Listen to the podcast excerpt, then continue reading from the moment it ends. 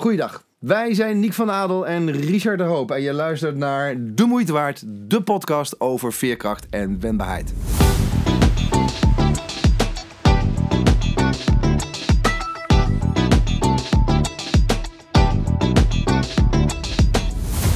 Welkom bij De Moeite Waard podcast. Jouw podcast over veerkracht en wendbaarheid. In tien afleveringen nemen wij je mee over hoe je veerkrachtig en wendbaar in je leven komt te staan. Waarin we bijzondere verhalen delen, successen en valkuilen. En deze week gaan we het hebben met jou over optimisme. Zijn optimistische mensen nou beter in staat om om te gaan met tegenslag in hun of haar leven? Is het iets wat je kan ontwikkelen? Zijn het dus vaardigheden die je jezelf aan kan leren om beter om te gaan met tegenslag? Deze week gaan Ries en ik met elkaar in gesprek. We leggen je niet alleen uit hoe je het kan ontwikkelen, maar ook of je het kan ontwikkelen. Veel plezier! Ja, weet je, uh, optimisme, dat vind ik echt wel uh, een soort van uh, op mijn lijf geschreven. Ja, dat geloof ik. Dat geloof ik. Maar we beginnen eerst even met goed nieuws. Wat is jouw goede nieuws deze week? Nou, mijn goede nieuws deze week. Ik las weer eens een artikel toen ik me eigenlijk aan het inlezen was op dit onderwerp. En dat kwam eigenlijk uit positieve gezondheid. Okay. En ze hebben natuurlijk gekeken naar hoe houden mensen zichzelf eigenlijk gezond? Waar Mhm. bestaat gezondheid uit? En ze kwamen erachter dat het niet alleen je fysieke toestand was, maar ook een stuk mentaal welbevinden. En in dat stuk mentaal welbevinden, daar zit ook optimisme. Oftewel, als jij een optimistische blik hebt, eh, waar je naar je gezondheid kijkt, maar ook hoe je naar ziekte kijkt, ook hoe je naar tegenslag kijkt, ben je letterlijk in staat om beter om te gaan met tegenslag. En ze hebben voornamelijk een groot onderzoek gedaan bij vrouwen die borstkanker hebben Ja. gekregen, die, eh, eh, waarbij ze verschillende groepen hebben gevraagd hoe goed ben jij in staat om optimistisch te kijken naar eh, eh, de situatie waarin je je nu bevindt. Waarin significant duidelijk werd dat vrouwen die met een positieve blik naar dezelfde situatie keken, veel meer kans op herstel hadden en langer gezond bleven dan bij vrouwen waarbij dat niet het geval was. Optimisme houdt je dus letterlijk gezond. Vind ik een prachtig eh, voorbeeld en ook hoe het dus in onze hersenen werkt en hoe het in de praktijk ook gewoon werkt. Ik dit- dit is, heel mooi, want ik heb daar, daar is veel onderzoek naar gedaan. Hè? Ja. Geluk, optimisme. Die twee worden nog wel eens verward en ook bij elkaar gebracht. Maar oké, Eh, wij gaan het in ieder geval in connectie brengen tot veerkracht. Hè? Veerkracht, dus de, de kunst om na tegenslag weer op te kunnen staan. Hè? Eh, ehm, eh, Madelon Peters is ook een hoogleraar aan de Universiteit van eh, Maastricht, die er ook veel onderzoek naar heeft gedaan. Maar daar kom ik later in de podcast nog eventjes op terug. Op haar onderzoek, want dat lijkt heel erg op jouw goede nieuws. Mijn goede nieuws is overigens dat ik het ook super superleuk vind. Niet alleen om vandaag weer deze podcast met jou te doen, maar ook dat we vandaag een liedje gaan opnemen. voor heel Holland juicht. Eh, Joehoe. ja, voor de zorg, voor eh, politieagenten, voor schoonmakers, voor iedereen die op dit moment in die eh, coronacrisis eh, ervoor zorgt dat het allemaal door blijft draaien. En dat wij met z'n allen bezig kunnen zijn met flatten the curve. Ja. En, en, en waarom, waarom speelt optimisme daar een rol in, Richard? Nou ja, het is om te, vooral ook te kijken naar wat wel kan. En ik denk dat dat iets is wat bij optimisme hoort. Ehm, als je namelijk gaat goochelen hè, van wat is nou eigenlijk optimisme, dan blijkt het uit het Latijn te komen. Eh, optimum, optimum. En dat gaat dan een beetje over het hoogste, het beste. En als je dan over het optimisme, dan zou het haast het geloof zijn. Het is een geloof in dat dingen eh, eh, beter kunnen. Dat is eigenlijk. dus, dus je zou kunnen zeggen de, de leer van het geloven in het beste. Maar dit is niet in onze hele geschiedenis zo geblezen eh, geweest, eh, Niek. Nee, nee, nee, nee. Het, eh, ik, ik wil even weer een verhaaltje. En dat is het verhaal van Candide. Candide, dat is een, eh, een, een, een schotschrift van ehm, Voltaire. Voltaire die heeft ehm, de ideeën van de Duitse filosoof Gottfried Wilhelm von Leibniz. En ik vind de naam Gottfried mooi, want dat is een van mijn doopnamen. Godfried, ze hadden mij Godfrieds willen noemen, hè? Echt. Oh. Ja, maar eh, in ieder geval die Duitse filosoof ehm, eh, Gottfried Wilhelm von Leibniz... die stelde namelijk zo dat... eh, in die tijd, hè, we praten over 1670 zo'n beetje, hè, tijd van de verlichting. Maar die, die sprak van dat God de wereld niet beter had kunnen maken dan die op dit moment was. Dat was zijn optimistische... Ze hadden een vrij optimistische kijk op de wereld. Ja. Nou, Voltaire die was het daar dus helemaal niet mee eens. Dus die schreef een, een schotschrift. Dus dat wil zeggen een soort van aanklacht tegen Voltaire. En dat noemde hij eh, Candide au l'optimisme. En Candide is dan eh, eh, een, een, een personage die leeft in een kasteel. Ehm, maar die pleegt ontucht met de dochter van de kasteelheer. Dat moet je volgens mij niet doen. Zeker in die tijd niet, want hij wordt verbannen. En dan wordt hij verbannen uit dat kasteel en dan moet hij over de wereld zwerven. Moet je nog steeds niet doen overigens hoor, maar dat geldt terzijde. In een kasteel wonen of Ja, ja, ja, die dus, ja. ja, ja. Dus, ehm, dus hij, gaat, hij moet dan over de wereld zwerven. En dan probeert hij zoveel mogelijk door de bril van zijn leermeester uit het kasteel, dokter Pangloss. En eh, eh, die staat dus in dat schotschrift voor de ideeën van, van Leibniz. Die kijkt dus heel erg positief naar de wereld. En ehm, dus iedere, eh, eh, alle ellende die Candide meemaakt, van verkrachtingen tot overstromingen, tot eh, dat hij gevangen wordt gezet, dat hij wordt, in elkaar wordt getimmerd. Nou, het is één, bak ellende. Ehm, en hij probeert maar die wijze lessen van die Pangloss te... Maar, maar uiteindelijk, dan verzucht hij op de vraag die hij dan gesteld krijgt... Wat is optimisme? Dan verzucht Candide...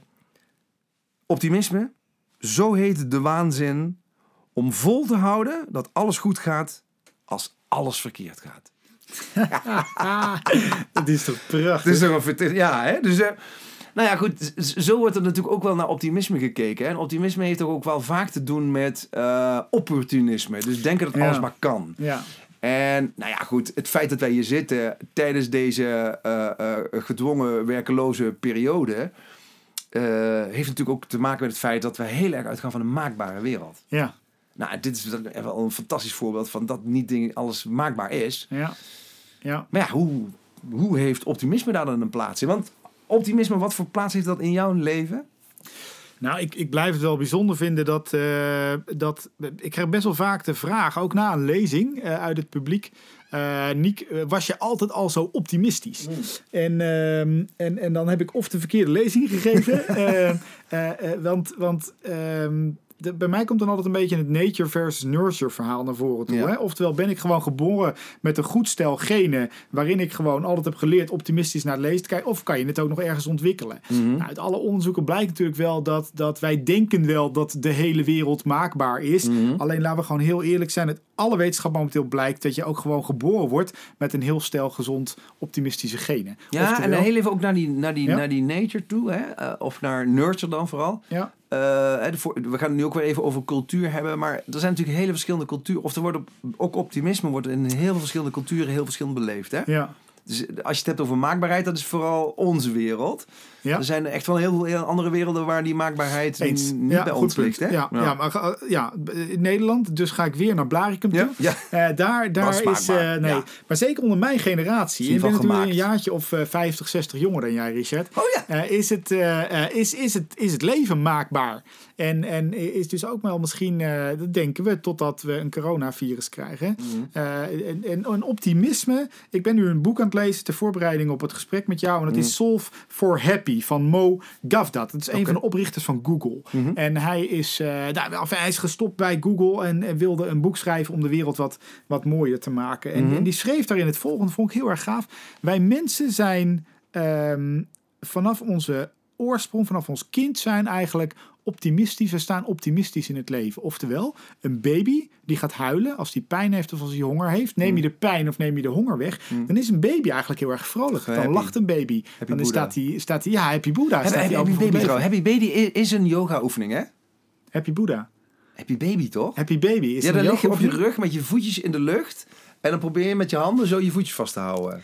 Dus luisteraars, doe dat even op je rug liggen. Ah, je benen omhoog. En die voetjes, dat is happy baby, hoor. Serieus.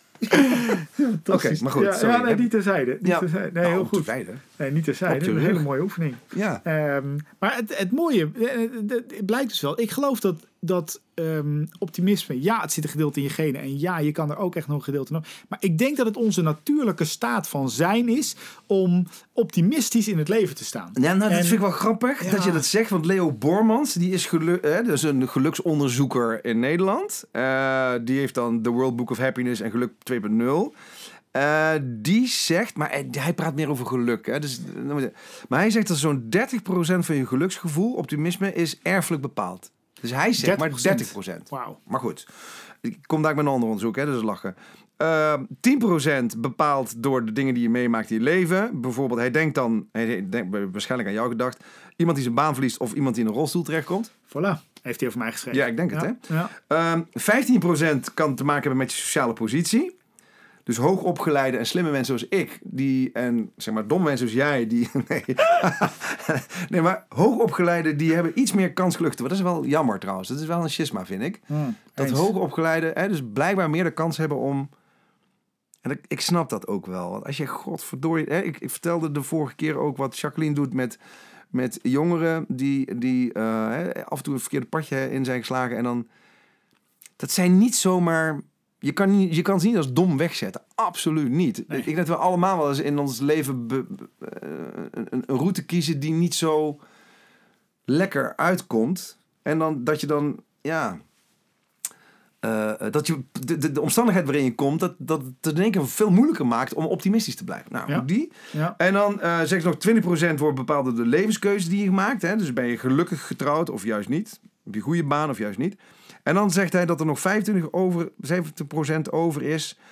En dat kun je zelf bijsturen. Dus er is sowieso hoop. Hè? Er, is, er valt iets bij te sturen. Want een ander eh, ehm, onderzoek die zegt eh, dat... eh, die, die komen met andere percentages. Dat vind ik dan verwarrend. Dus volgens mij moeten we ook niet zozeer in percentages gaan lopen zoeken. Maar heb jij het gevoel dat jij een bad met serotonine bent geflikkerd toen je geboren werd? Nou, als je kijkt naar mijn buik, dan eh, kan dat wel eens, eh, kan dat wel eens kloppen. Een kleine obelix eh, zit hier wel. Of een, nou, een kleine boeddha? Ja, een kleine Boeddha. heb je- heb je Heb Boeddha? je- heb je- Ja. heb je Boeddha.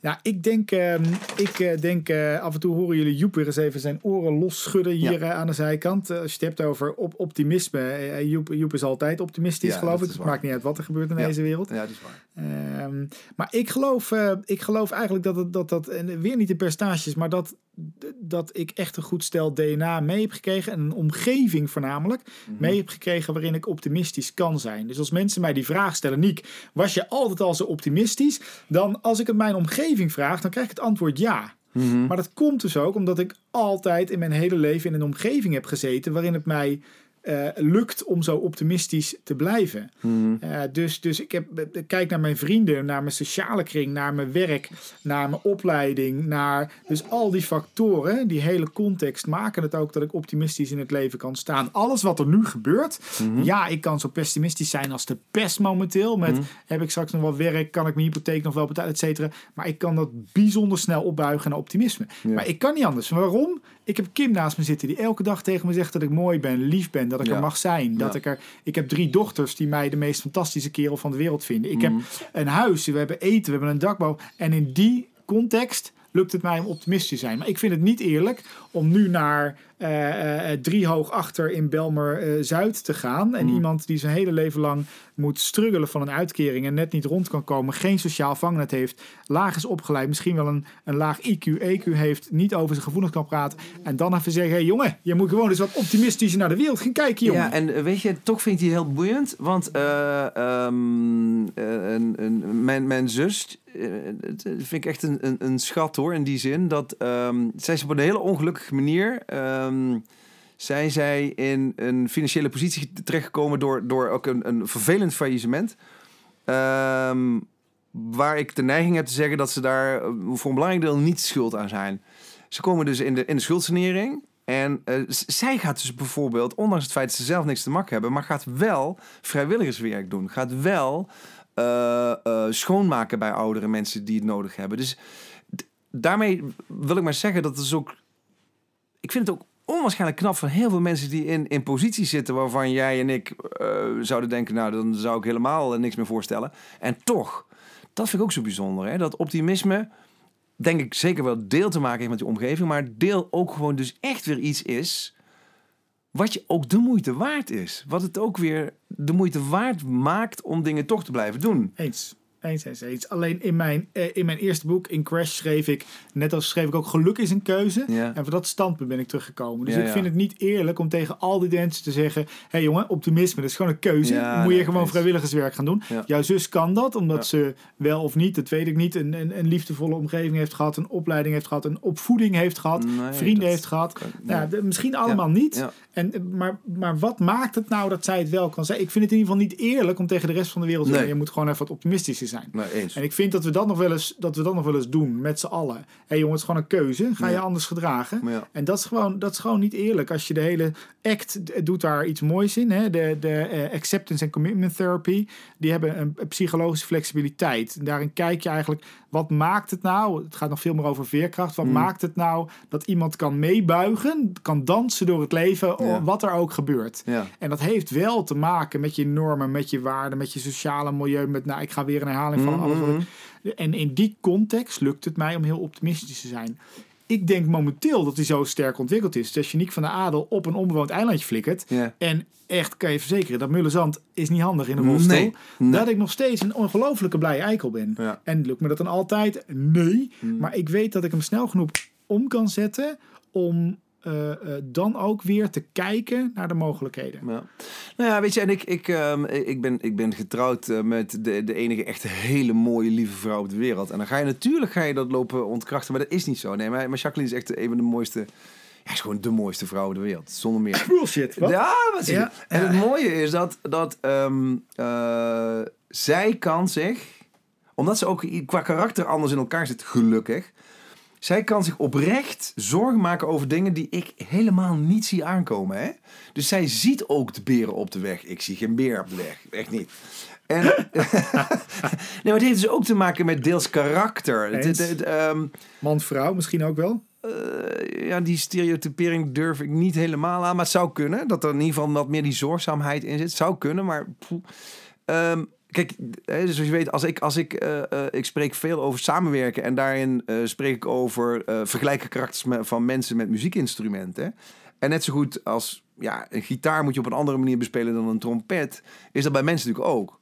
Dus ook optimisme zal zich op een andere manier uiten.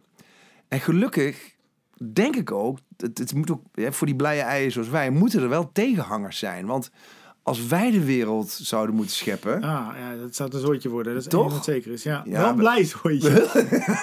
een heel blij zooitje. Heel blij zoiets. Het zou er Ja. ja. fantastisch uitzien. Niets zou afgerond zijn waarschijnlijk. Ja. Eh, alle goede ideeën van ons die zouden ronddwarrelen Eens, als mooie kleurige eens, ballonnen. Absoluut eens. Ja. Die één voor één werden doorgeprikt. Maar ja, dan hadden we al, ondertussen hebben we al 20.000 nieuwe ballonnen in de lucht. Dus Ja, de- absolutely true. En in tijden van, eh, van eh, tegenslag, in tijden dat het even wat minder gaat met de wereld, met ons, met wie dan ook, dan is die eigenschap van heel snel in alles het optimisme kunnen zien wel een hele handige eigenschap. Oké, wa- wa- wat Dus- zijn de voordelen ervan? Laten we, even, laten we de voordelen even pakken dan. Nou, ik, ik vind een enorm groot voordeel is dat eh, eh, ik op kan staan en direct nieuwe kans kan zien. Omdat ik gewoon letterlijk het halfvolle glas zie. Nieuwe kansen, ja. Ja, Ja. toch? Ja, ja, ja. Ehm, ik vind een, een voordeel dat uiteindelijk, doordat ik dan ook nog in tijden van tegenslag een, een blij eikel ben, ik me ook mijn omgeving. Ik kan een steun zijn voor mijn omgeving. Dus je kan een steun Ja. zijn in je sociale vangnet. ja. Ja. Ja, ja maar hè, en er staat tegenover door, dat je door je optimisme ehm, risico's neemt. Eens. Te grote risico's. ja, een motor kopen bijvoorbeeld. Ja. Ja, moet je Ja. niet doen. Nee. Nee, moet je gewoon niet willen. Moet je niet- nee, of, of dat je eh, door te optimistisch dingen in te schatten, dat je... eh, nou ja, dat is overigens een grappig ehm, eh, klein onderzoekje. Dat mensen die, zeg maar, wat optimistisch van aard zijn, de tijd daadwerkelijk anders ervaren. Dat wil zeggen... Oh, ja. Een optimist ervaart een minuut ongeveer als anderhalve minuut in werkelijkheid. Dus die denkt altijd dat hij meer tijd heeft dan hij heeft. En dat is ook een van de dingen die Jacqueline bijvoorbeeld... en mijn- mijn zoon Joris is ook zo'n typisch blij ei. Dus wij denken echt dat we, ehm, als we dan vijf voor acht de deur uit moeten... dat we dan om kwart voor acht eh, ook nog even een boek kunnen lezen... nog even een, een snelle workout kunnen doen... en de auto poetsen en eh, daarbij nog even een ontbijtje doen... en dat we dan om vijf voor acht weg zijn. Dat, Dus, dus wij, wij schatten de tijd echt verkeerd in ook. Dat, dat geloof ik. Ja, dat geloof ik. Dat is Ja. ook wel echt een Ja, nadeel dat- van. her- herken ik bij je, ja. het was werkelijk waar de eerste afspraak die ik ooit met jou heb gehad waarbij je op tijd was vanmorgen. Echt? Ja, ja dat was een hele goede. Goed, hè? Ja, ja, ik vind het knap. Maar dat kwam omdat er geen hond op de Ja, weg ja, was. ja, ja, ja. ja dat, is, dat is wel waar. Dat is wel waar. Ja. Dat is wel waar. Eh, Nou ja, weet je, en optimisten blijken daadwerkelijk eh, iets minder met stress te kampen. Iets hebben, eh, eh, eh, ehm, en daardoor zijn het vaak, hebben ze iets meer sociale contacten, omdat het. Het is leuker om met een aantal optimisten om je heen te zitten dan alleen maar van die azijnzeikers. Wat zegt Jan nog altijd? Jan Verzetten, onze spreekcollega. Droeftoeters heeft hij droeftoeters, Ja. ja. Ja, Ehm, ze schijnen ook minder last te hebben van, van hoge bloeddruk. ja. Ik weet niet of ik daar. Maar goed, dat is natuurlijk een van de grote risicofactoren van hart- en vaatziektes. Dus het blijkt daadwerkelijk dat je iets langer leeft. Het heeft dus zin om optimistisch te zijn. Ja, nou, ja, en zeker dus bij tegenslag. Kijk, heb jij een heel druk project af te werken, wat op deadline is het niet handig om daar acht enorme optimisten in te zetten die met allemaal Nee. nieuwe ideeën, want dan komt je project nooit af. Nee, In nooit. tijden dat het wat slechter gaat, en ik, ik noem dat in bedrijven eh, eh, nog wel eens, eh, ga van de koffieklager naar de theetoaster. Hè? Oftewel, Ja. wij zijn de Nederlanders bij uitstek echt wereldwijd bekend dat we kunnen klagen bij het koffiezetapparaat. Ja. Hè, wij Ja, kunnen, wij in. kunnen fantastisch zeiken over alles wat niet goed gaat. Ja. En we leven nog steeds in een van de gelukkigste landjes ter wereld. Dus ga nou eens je Dat omringen. cultuur, ja. Ja, Ja, dat vind ik echt be- belachelijk knap. Ga je nou eens ook omringen in tijden van tegenslag, in tijden dat het minder goed met je gaat, ga je dan maar eens omringen met optimisten. Ja. En, en dat betekent dus weer niet de mensen die alles verbloemen en mooier maken. Nee, gewoon mensen die de mooie dingen in het leven nog kunnen zien. Ik geloof dat dat een medicijn is, letterlijk, eh, voor gezondheid in tijden dat het minder goed met je gaat. En dat is denk ik veerkracht. Nou ja, dat is, dat is, ik, ik, ik had het over eh, die Madelon Peters. Die heeft dat, dat, dat, dat ook onderzocht. Hè? En, en inderdaad, eh, het is niet zozeer dat je nou sneller... eh, het is niet zo dat je, eh, eh, hè, stel je voor, je hebt een, een, een ernstige ziekte... dat je door optimisme beter wordt. Dat, maar, maar je wordt wel... Het wordt draaglijker. En in veel gevallen is het inderdaad wel bij vergelijkbare ziektes... volgens haar, hè, en haar onderzoek... zij is wel iets sneller op de been. Ja. Dus, dus dat heeft het voordeel. Hè, dus dus eh, zij hebben daadwerkelijk ook een training ontwikkeld. Een optimisme training ontwikkeld voor patiënten. Mooi. En ehm, eh, uiteindelijk merk je dus dat je ook... Want het is deels ook hormonaal. Hè? Dus op het moment dat jij eh, optimistisch bent... dan maakt je lijf ook veel dat, dat eh happiness hormoon aan. Hè? Dus het oxytocine. Eh, daardoor maak je ook makkelijker verbinding met andere mensen. Stress betekent vaak adrenaline, noradrenaline. En dat is goed voor als je moet vluchten. Maar heb je dat lange tijd, ja, dan wordt je wereld ook daadwerkelijk... Je denkwereld, maar ook je hele wereld wordt kleiner. Ehm, dus, dus hun training zit ook heel erg op ontspanning. En ook de, die minder stresshormonen in, in bloed krijgen. Op een vraag van, van, de, eh, van een journalist die dus zei van... Nou oké, als je dus kunt trainen... dan is het omgekeerde dus blijkbaar ook waar. Dus als je dus... eh, hij zegt... ehm, eh, eh, je, je kan jezelf dus ook positief denken en dan kun je jezelf genezen. En daarbij zegt die Madelon Peters, nee, dat is natuurlijk onzin. Eh, je mag het niet omdraaien. Je mag jezelf niet verwijten dat je ziek bent. Dat is ook een beetje ja, ja, wat jij zegt, hè? Ja.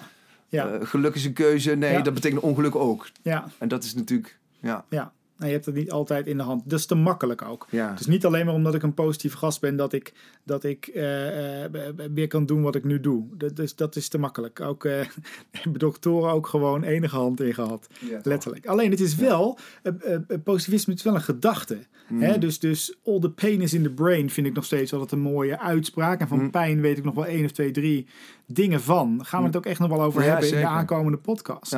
Ehm, maar positivisme is wel, een, het is wel een denkwijze. Het is iets wat in je gedachten Ja. ook zich afspeelt. Ja. Dus ehm, leren de beste vriend te worden van je gedachten. En daar, eh, nu vind ik het een mooi voorbeeld. eh, corona. Kijk ook naar, naar alle eh, nieuwsgeving. Natuurlijk, 80% is daarin negatief van alles wat nu niet kan. Mhm. Ehm, en Maar eh, dat is ook de media, hè? dat Ja. is zeker, nee, dat is zeker de media. En, en angst verkoopt vele malen beter dan geluk. Pessimisme verkoopt nu vele malen beter dan optimisme. En toch eh, zijn we deze podcast begonnen allebei met een positief verhaal, met Ja. een verhaal over optimisme. Toch zijn in tijden van tegenspoed ook de verhalen over optimisme zo ongelooflijk belangrijk. Mhm. Ik denk ook dat in tijden van tegenspoed zijn letterlijk verhalenvertellers, mensen die ons verhalen kunnen vertellen, ook over optimisme. Dat zorgt ook voor dat, dat ik veerkrachtiger word. Als ik Eens. me nu omring met verhalen over mensen die kansen zien momenteel ook in alles wat er nu gebeurt, ja, daar kan ik me aan optrekken. Daar Ja, kan eens. ik aan hangen. Ja. Daar, daar, daar word ik zelf veerkrachtiger van. Het is niet Ja. dat ik dat maar de hele tijd alleen voorbeelden te zijn er veel. Dat is mooi, hè? Ik vind ook zijn heel veel. Hartverwarmend. En het is ook iets wat je, wat je net ook wel zei toen je het hele rijtje opzomde van, van eh, wat Kim voor jou betekent, die kinderen voor jou betekenen en zo. Ik merkte ook eh, bij- jou, als, ik dat, als je dat zegt, dat er ook een soort van dankbaarheid in doorklinkt. Dus dat dat optimisme eh, uit, ook uitmondt in een soort van dankbaarheid. Nu gaan we over het onderwerp dankbaarheid gaan we het ook nog hebben in onze podcast. Want ook dat is een van die tien Zeker. dingen die, die je gaat helpen om veerkrachtiger te worden. Ja. Ja. Ehm, zal ik eens even vier oefeningen meegeven voor, eh, voor de luisteraars? Om het ehm, ja, dat vind ik leuk. Ja? Ja, ja, hoe ontwikkel je nou optimisme? En hoe Ja. kan je het oefenen Ja. om, om veerkrachtig in je leven te staan? Nou, de eerste gaf je net zelf al aan. Dat is een beetje het vergroten van je zelfcompassie. Eh, een beetje lief zijn voor jezelf. Ehm, niet iedere fout die je maakt, meteen die in- interne kritiekaster die je dan op je kop geeft. Maar probeer nou eens wat vriendelijker en zachter voor jezelf te zijn. En, en probeer, eh, als je een fout maakt of een blunder maakt, probeer dan met een enige afstand daar naar te kijken. Eh, en, en ja, niet zo hard te zijn voor jezelf. Dat maakt in ieder geval dat je optimistischer kunt zijn. En ehm, ja, die, die, die, die machine van positieve emoties, die moet je ook willen leren herkennen. Ik zat een tijdje geleden met iemand te praten en toen had die had een vers glas jus d'orange besteld, hadden we allebei. En ik, hij kreeg dat glas en had dorst en ik klatste dat in één keer naar, bin- naar binnen. En ik vroeg, heb je het nou geproefd? Ja, die wat? Dus ik nou, dat wat je net naar binnen jankt. Eh, nee. En, dan denk ik, ja, maar we, we, we zijn ook bijna niet meer dankbaar. We zijn ook bijna niet meer bewust van wat we doen. En oefening. Iedere dag moet je dus drie leuke dingen van die dag moet je je kunnen herinneren. En dan moet je even, even dankbaar voor zijn. Want dan zet je ook die motor aan van... Dus luisteraars, welke drie leuke dingen heb jij vandaag gedaan? En eh, ook leren genieten. Dus heb ik nou genoten van dat glas? Vruchtensap? Of heb ik het gewoon maar naar binnen geklapt? Jacqueline die, die, heeft ook, eh, die doet ook veel uh, leefstijlcoaching. Dus mensen die wat moeite hebben met, met gewicht en zo. Of heel vaak, je krijgt een koekje bij de koffie. Dat vreet je op. Terwijl je denkt achteraf... "Nou." Zij zegt van, nou probeer er eens een cijfer aan te geven. Tussen de 0 en de 10. Was dat koekje een 6? Pak het dan gewoon niet meer. Of is de eerste hap een 6? Laat het dan staan. Waarom eet je dingen op die, waarmee je jezelf en anderen geen plezier doet? Dus vraag jezelf iedere dag af, waar heb ik van genoten? Dus we hebben al vriendelijk zijn voor jezelf. Iedere dag drie leuke dingen. Iedere dag afvragen waar ik van genoten. En ehm, wat ook leuk is om je, ehm, eh, je optimisme in de toekomst een beetje te trainen. En je dus af te vragen, waar, waar verheug ik me op? Vandaag. Waar, waar verheug jij je op vandaag, Niek? Ja, ik weet het wel. Ja? Ja, nee, dat weet ik echt. Nou, de, de, alle scholen zijn dicht. Ja. Dus mijn drie dochters zijn thuis. Ja. En ik had gisteravond een aantal vrienden aan de telefoon. En die, nee, en, eh, en ik heb de hele dag en ik heb eh, met de kinderen thuis. En, eh, die zijn dan ook jong en daar moet ik dan voor zorgen. En dan kom ik niet op mijn eigen... Ja, en, en ik, ben, ik ben echt enorm aan het genieten als ik mijn drie spruiten thuis heb. Dus ik kom straks thuis. Ja. En dat is oprecht in die fase zit ik nu. En dan doe ik de deur open. En dat horen mijn dochters. Het maakt niet uit waar ze zijn, dit horen dat. Ja. En dan komen er drie kleine hummels naar de deur. Eh, eh, gerend. En die roepen keihard... Papa! Alsof ik de meest fantastische vent op de wereld ben. Dat is wel En echt goed dag- getraind. ja, maar dat is heel goed getraind. En Joep doet dat dus ook. Dus ik heb Kim die sukkelt daar een beetje achteraan. Die zegt, hoi niet. Niek. En eh, verder zijn we heel gelukkig. Maar ik kan me dus nu al herinneren om straks de deur open te doen. Ja, dat is toch geweldig? Dat is toch leuk? Ja, daar verheugen. En jij, waar, waar kan jij je nou echt al op verheugen voor in de toekomst? Nou ja, ik, ik verheug me er sowieso op. eh, Joris is, eh, is thuis, want ja, hij, hij, is, zit in, in de musicalwereld, dus doet veel musicals. Die zijn allemaal afgekant tot en met half eh, april, alles Ja. gecanceld. En eh, dus die heeft tijd om thuis te zijn. Dus die is, eh, die is thuis en eh, die is er samen met zijn vriend. Dus ik ga hem dadelijk zien. Eh, dat is heerlijk weer. Dan kan ik die mannen weer knuffelen. En dat zijn zulke fantastische mensen. En Jacqueline is er, die kan ik gaan knuffelen. En met twee schapen. Die, uh, daar ga ik daar ook even mee knuffelen.